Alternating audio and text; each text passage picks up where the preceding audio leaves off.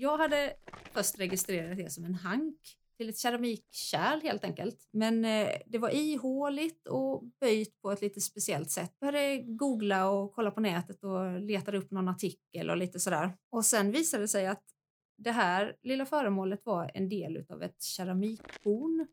Alltså ett blåsinstrument. Om man tänker sig symbolen för gamla postverket. Ett munstycke och sen en, en eh, loop och sen tratten.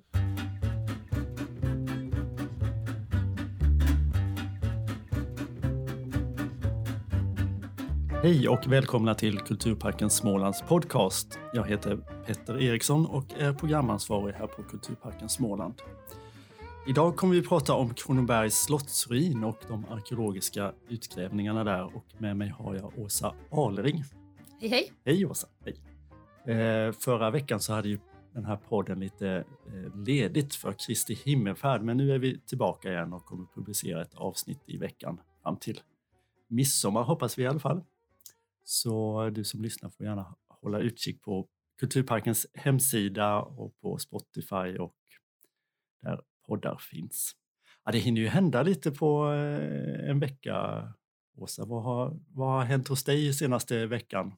Mm, och alltså jag är ju helt uppfylld av det här att jag råkade få med mig en hund hem när jag var iväg över helgerna här. Eh, och eh, det var väldigt oplanerat. Eh, men väldigt lyckat. Ja. Ändå. Så det upptar väldigt mycket fokus just nu, just tankarna på den här lilla hunden. Mycket mysigt. Jag har skaffat nya glasögon sen förra veckan. Oh. Ja. Fina. Samma, ja, det är samma glasögon fast nya, nya glas och så lite annat. Ja. ja. men så är det ju också på en arbetsplats som museet, att det händer saker privat som även har inverkan på jobbet. Ja. För min del så är det nya terminalglasögon så nu kommer jag förhoppningsvis inte ha huvudvärk efter att ha suttit vid datorn en hel dag. Men ja, det är ju inte det vi ska prata om. Vi ska ju prata om arkeologi och Kronoberg. Men vill du börja med att berätta om vem du är här på museet, Åsa, och vad du jobbar med? Ja, eh, ja jag är arkeolog här och har jobbat sedan ungefär år 2000. Eh, från början så var det med uppdragsarkeologi. Och då är man ju ute och gräver när det ska byggas något nytt vägbygge eller stort bostadsområde eller någonting sånt. Sen, eh, kanske om det var 2012 tror jag någonting, så slutade jag med det och då började jag jobba mer pedagogiskt här inne på Kulturparken. Eh, var ute i skolor, höll mycket föredrag och sånt. Och sista tiden nu så har jag jobbat främst med eh, de arkeologiska föremålen i Smålands museums samling. De är ju på ett magasin som eh, heter Kulturarvscentrum Småland och ligger lite utanför Växjö. Just nu så jobbar jag också ganska mycket med en arkeologisk utställning som kommer komma upp till september, mitten av september. Eh, och det är ju lite av ett drömprojekt sådär. Det gör jag tillsammans med utställningsteknikerna och en eh, nygammal kollega som heter Alexandra Stjärnspets Nylén. Och det kommer bli liksom vår nya basutställning kan man säga för, för den arkeologiska och forntida ja, utställningen. Precis, ja. jättespännande. Eh, vill du ge oss en ram för vad vi kommer att prata om i den här podden? Ja, jag tänkte att eh, jag ska berätta lite grann om hur man kan göra arkeologiska undersökningar i magasinsmaterial, alltså i de arkeologiska samlingarna. Eftersom jag jobbar då med, främst med Eh, föremålen från Kronobergs slottsruin så är det det vi ska ta tag i idag. Mm. Om du börjar med en bakgrund till Kronobergs slottsruin, vad är det för plats och vad vet vi om platsen? Det är ju en eh, borg som ligger på en holme lite norr om Växjö. Vi vet inte exakt när det började byggas, men någon gång mellan 1350 och 1440 ungefär, beroende på hur man tolkar de skriftliga källorna där. Eh, och då var det en biskopsborg, en liten anläggning med ett torn och två stycken stenhus och så lite trähus i en kvadratisk form. Men det var en, en eh, plats för makt kring Växjö. Biskopen hade ju oerhört stor makt eh, i den här regionen. Mm. Mycket mer egentligen än, eh, än kungen. Ja, för när blir det mer ja, kungens borg kanske man inte ska säga, men när, när blir det mer i, i st statlig regi? Ja, alltså när det svenska riket bryter med den katolska kyrkan så tar kungen Gustav Vasa över väldigt mycket av kyrkans och biskopens gods och gårdar och antagligen också Kronoberg. Men sen så fick biskopen tillbaks ganska mycket igen. Och det var för att eftersom inte kungen hade så mycket makt egentligen här nere i landets allra sydligaste gränsområden så fick biskopen helt enkelt representera kungen och det nya moderna Sverige i södra Småland.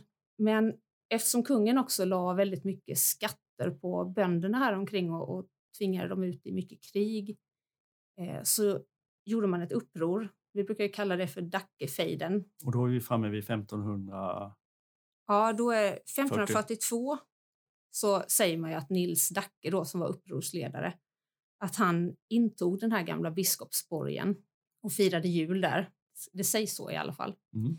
Och det måste ju ha varit en prestigeförlust för Gustav Vasa.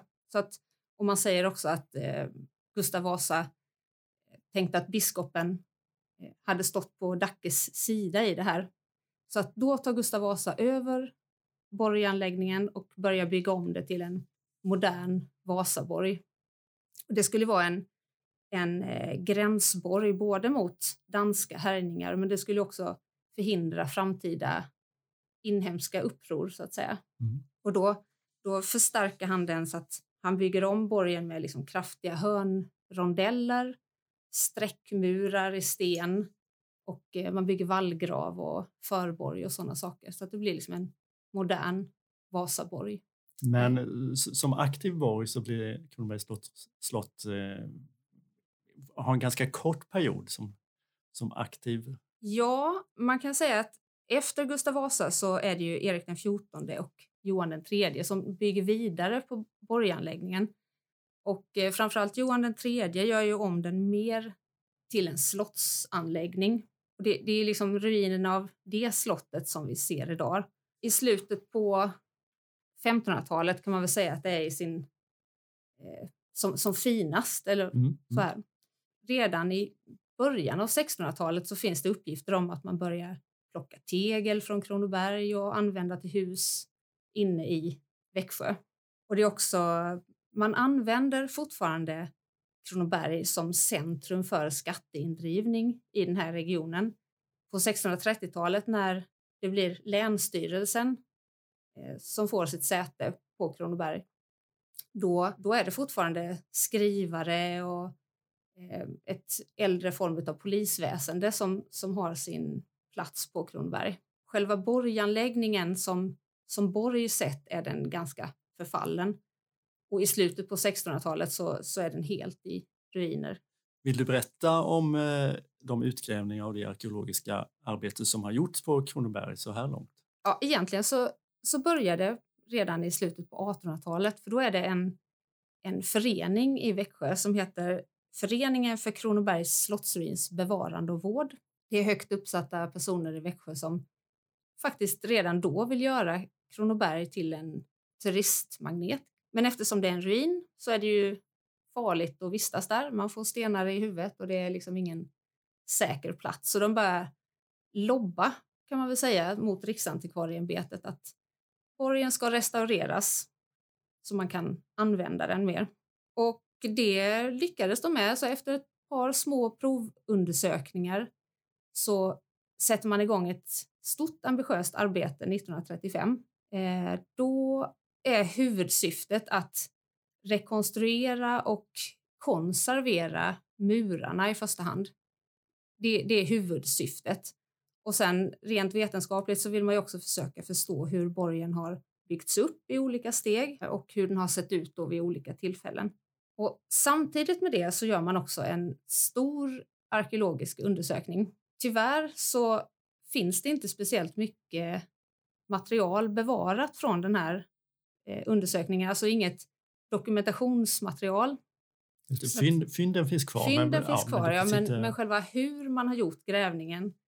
Eh, det finns en del, men eh, inte alls som vi skulle göra en undersökning idag.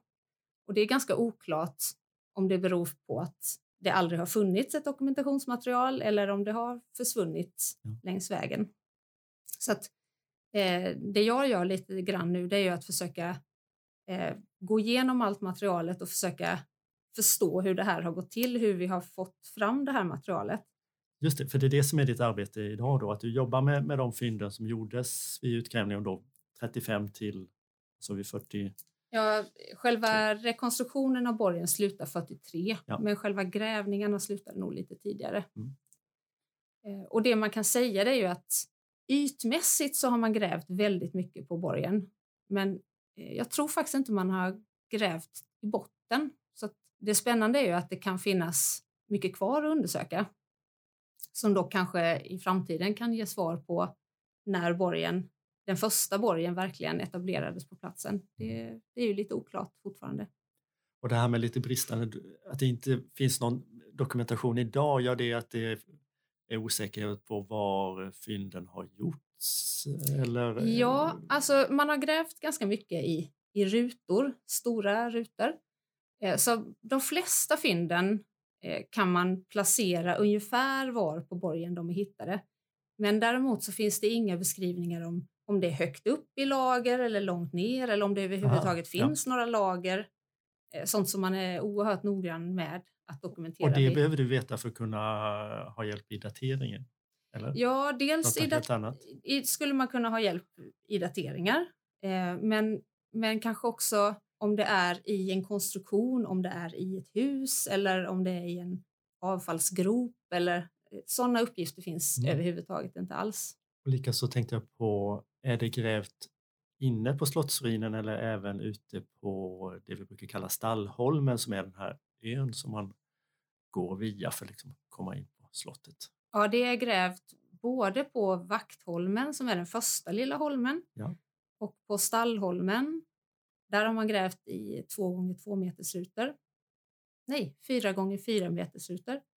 Eh, inne på Borggården har man grävt två gånger två meters rutor och sen även på östra och västra och norra sidan av borgen. Där har man grävt mera schakt och ja, lite mer sporadiskt. Så, så att vi, vi vet ju att de har grävt väldigt stora ytor, men som sagt Mm. inte att man har gått ner så djupt kanske.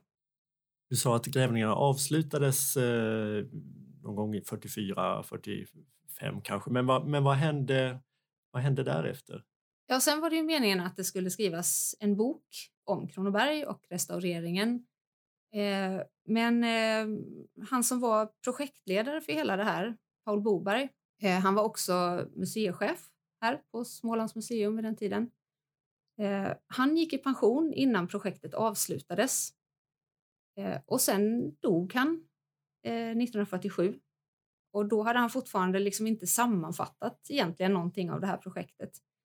Eh, så att eh, det blev en annan person som heter Armin Tulse som skrev boken om Kronoberg.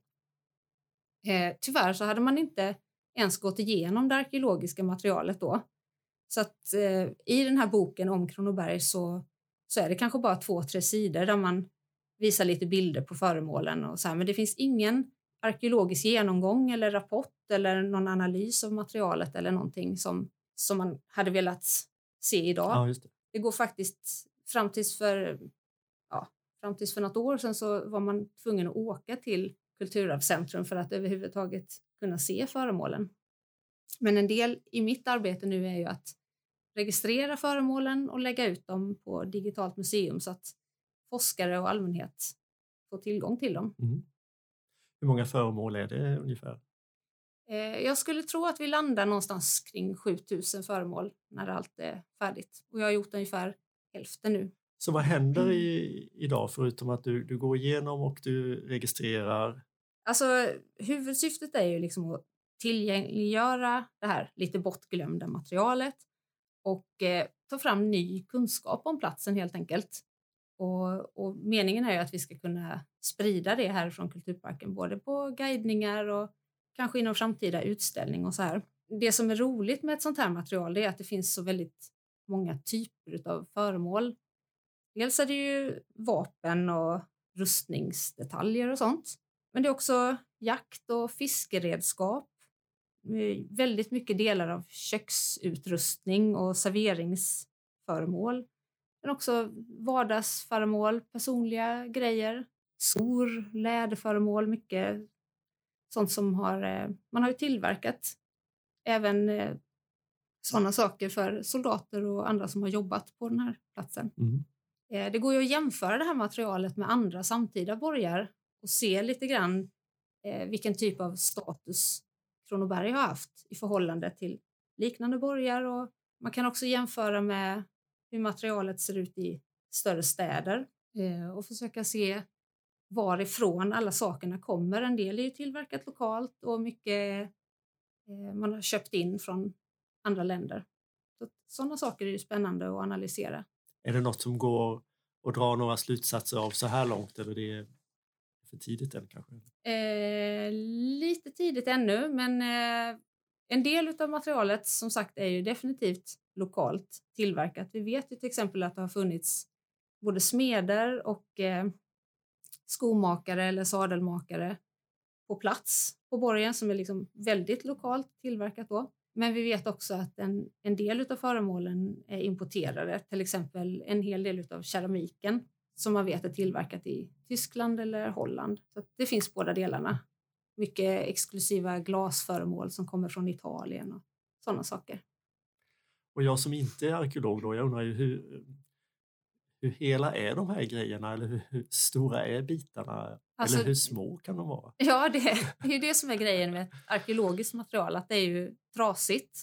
När man avvecklade den här borgen så tog man ju med sig såklart allt utav värde.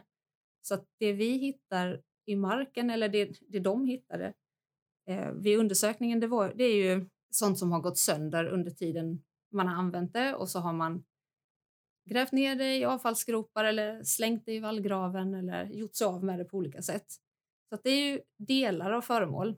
Men oftast så kan man ändå genom att titta på föremålet se vad det har varit. Till exempel så finns det ju eh, keramik som kallas för stengods och det massproducerades eh, i Tyskland och Holland framför allt. Och så bara genom att ha en liten skärva så kan man ändå se vad det är för ett typ av föremål, Eh, och datera det ganska bra. Och hur, och hur gör man då om man ska gå vidare? Liksom? Hur, hur, hur gör man själva analysen av... Eh... Jaha, ja, en del, en del saker kan man bara titta på ja. helt enkelt. Eh, och ofta så finns det hela föremål på andra ställen som man kan jämföra med så att säga. Men sen finns det ju andra typer av material som, där det liksom inte räcker att bara titta på det för att se var det kommer ifrån.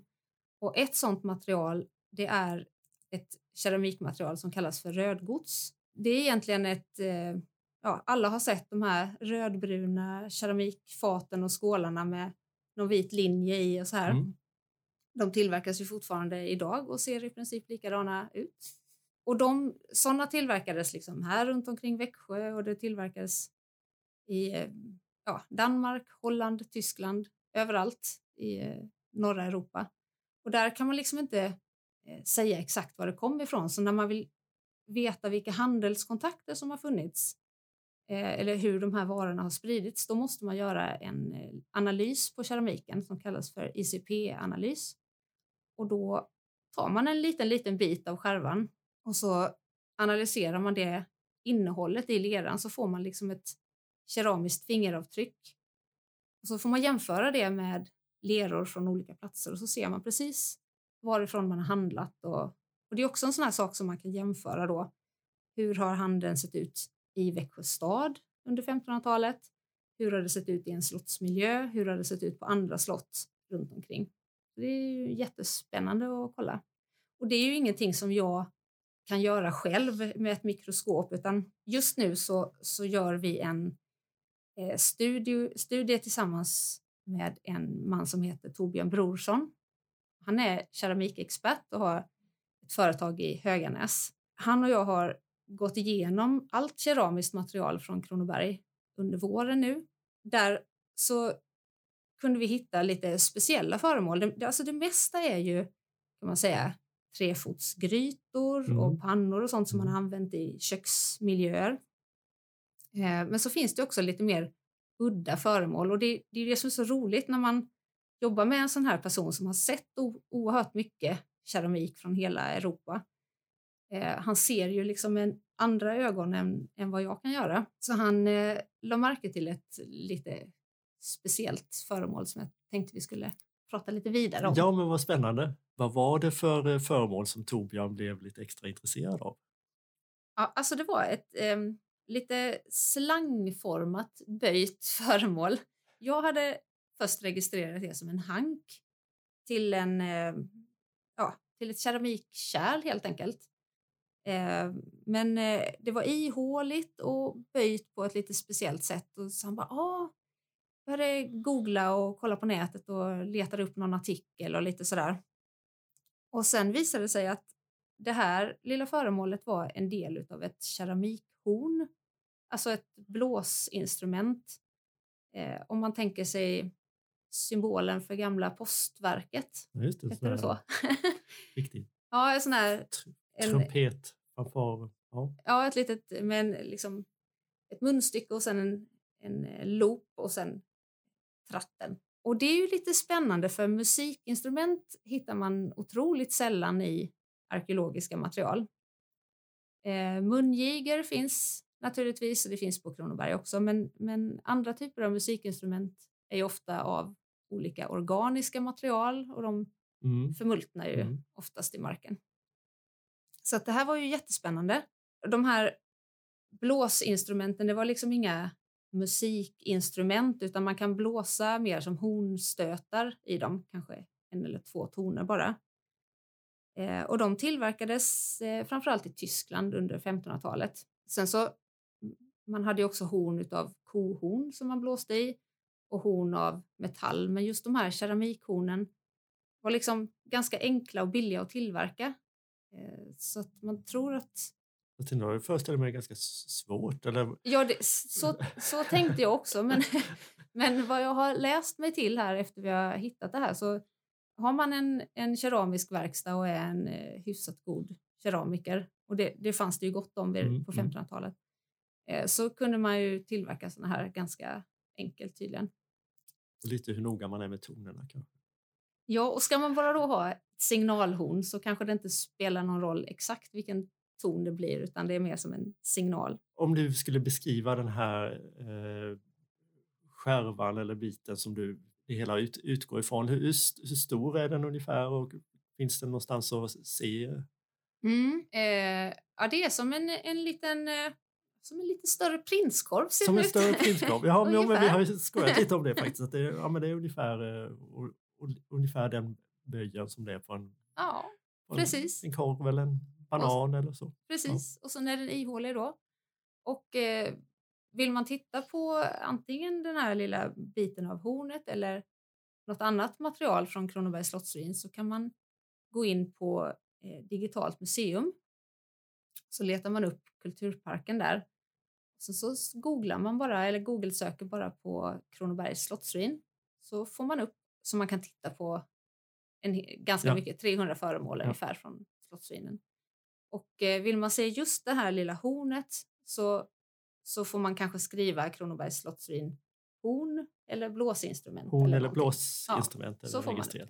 Ja. Mm. Och du sa man kan använda, du trodde att man kunde blåsa för signal. Vad är det för typ av signaler som man vill få ut? Ja, alltså man vet genom både skriftliga källor och historiska skriftliga dokument att man har använt sådana här horn vid lite olika tillfällen. Man, man brukar kalla dem för pilgrimshorn bland annat.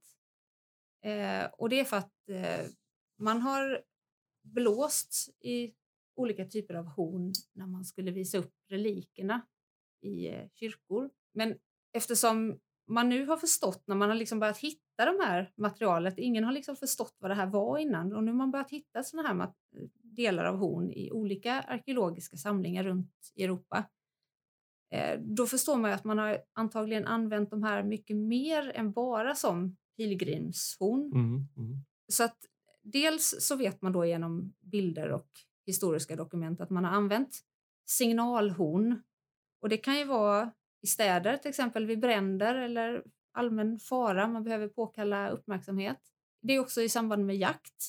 Man blåser att nu är det över eller nu kör vi igång eller någonting sånt. Och militärt naturligtvis. Just på Kronobergs slottsruin så kan man ju tänka sig eh, att det har med anfall och sånt att göra. Men sen så finns det också uppgifter om att man har blåst i horn för att hjälpa folk att hålla reda på viktiga tider under dagen. Ja. Man har kallat samman människor att nu ska vi träffas här och så blåser man i hornet så att alla ska veta. För det fanns ju inte klockor på det sättet och man kan inte ringa i kyrkklockorna hela tiden och då har man använt sådana här signalhorn. Tror du att det fanns ett sånt här horn eller fanns det flera sådana här horn på Kronoberg? Du har någon Eh, uppfattning om det? Svår fråga. Jag tror att man har säkert haft flera typer av horn, till exempel sådana här kohorn. Mm. Men om man tänker i en jaktsituation, för man har ju haft jägare och fiskare och sånt kopplade också till, till slottet, men då kanske det är mera ett kohorn då. Eh, och de kanske i så fall skulle finnas mer på Kronobergs kungsgård som hör till Mm. slottet också. För det var kanske där främst som jägare och fiskare eh, var knutna till. Och man kan ju ha haft flera typer av keramikhorn, men jag, jag tror ändå att det här är ett importföremål. Jag tror att det har haft en, en viss betydelse, så Mhm. att det kanske inte fanns liksom 10-20 sådana här, utan möjligen ett eller två då. Vi ska runda av om en stund här, men, men hur, eh, hur går du vidare i ditt eh, arbete, Åsa, med den här samlingen och vad, vad kan man mer göra? Eh, ja, för det första så vill jag ju registrera färdigt så man kan liksom se, eh, alltså skriva den här rapporten om den arkeologiska undersökningen, för det, det är ju aldrig gjort. Så att för det första bara registrera färdigt allt material och sen vill man ju göra såna här specialundersökningar på många materialkategorier. Det finns ju till exempel eh, det här lädermaterialet som är Mm, väldigt mm. spännande. Titta på vilka typer av kläders, klädesdetaljer man har haft. Eh, olika personer har kanske haft olika typer av kläder och så. Eh, man kan ju också tänka sig att man specialstuderar vapen och sådana detaljer. Så att det finns ju massor med olika typer av analyser man skulle vilja gå vidare med. Mm. Och det, det tänker jag att det, det är ju sånt som ska gå rakt ut i just i guidningar och eventuella utställningar i framtiden och sånt. Så att allt det här arbetet är ju för att man vill ha mer information om Kronobergs slott och, och liksom få ut det på olika sätt. Mm. Och jag vet också att du har berättat att ni söker lite projektmedel eller att det kan behöva lite extern finansiering för att just kunna göra de här analyserna som du vill gå vidare med. Ja, precis. Det är ju oftast sånt som ligger utanför vår ordinarie budget. Så Mm. att, eh, ibland söker man pengar och så, ibland får man dem och ibland får man det inte. Då får man skjuta upp det lite grann. Vi får jobba på det. Vi får jobba på Ja. det. Ja. Ja, du var lite inne på det, men hur, hur kan vi tänka oss att vi tillgängliggör det här eh, materialet eh, framöver? Eh, ja, ja, som jag sa innan så förhoppningsvis så blir det då en, en rapport. kan ju vara i form av eh, ja, en vanlig rapport eller om man försöker göra mer i bokform Mm. eh, med lite trevliga bilder och sådär. Eh, man kan tänka sig att man gör någon workshop för allmänheten kring just det här med keramikmaterialet. Eh, men också just föredrag, guidningar, förhoppningsvis också utställning i framtiden. Mm. Och du kommer ju guida i, ute på Kronoberg redan i, i sommar vet jag. Mm, precis. Vecka 26, 27, 28 och 29 kommer ju jag och Håkan Nordmark ha guidningar. Eh, tisdag till torsdag Mm. klockan ett. Klockan 11 där så har vi också barnguidningar med lite skattjakt och så här. Så att, eh, det blir kul. Så håll utkik på Kulturparkens hemsida så får ni veta mer om vad som händer på Kronoberg just i sommar vad det gäller våra publika eh, aktiviteter. Och jag vet från första juni här så är det ju öppet varje dag mellan 10 och 17 om jag kommer ihåg rätt här nu. Tack så mycket för eh, idag Åsa och det ska bli spännande att fortsätta följa ditt arbete med Kronoberg. Tack så mycket.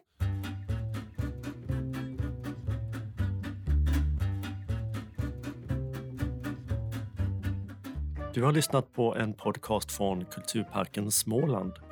Idag har vi pratat om eh, de arkeologiska utgrävningarna som gjordes på Kronobergs slottsruin i slutet på 30-talet och början på 40-talet och kanske ännu mer hur det materialet och samlingen förvaltas idag. Medverkande arkeolog Åsa Alering, teknik och eh, redigering Kim Lindstedt, producent Petter Eriksson.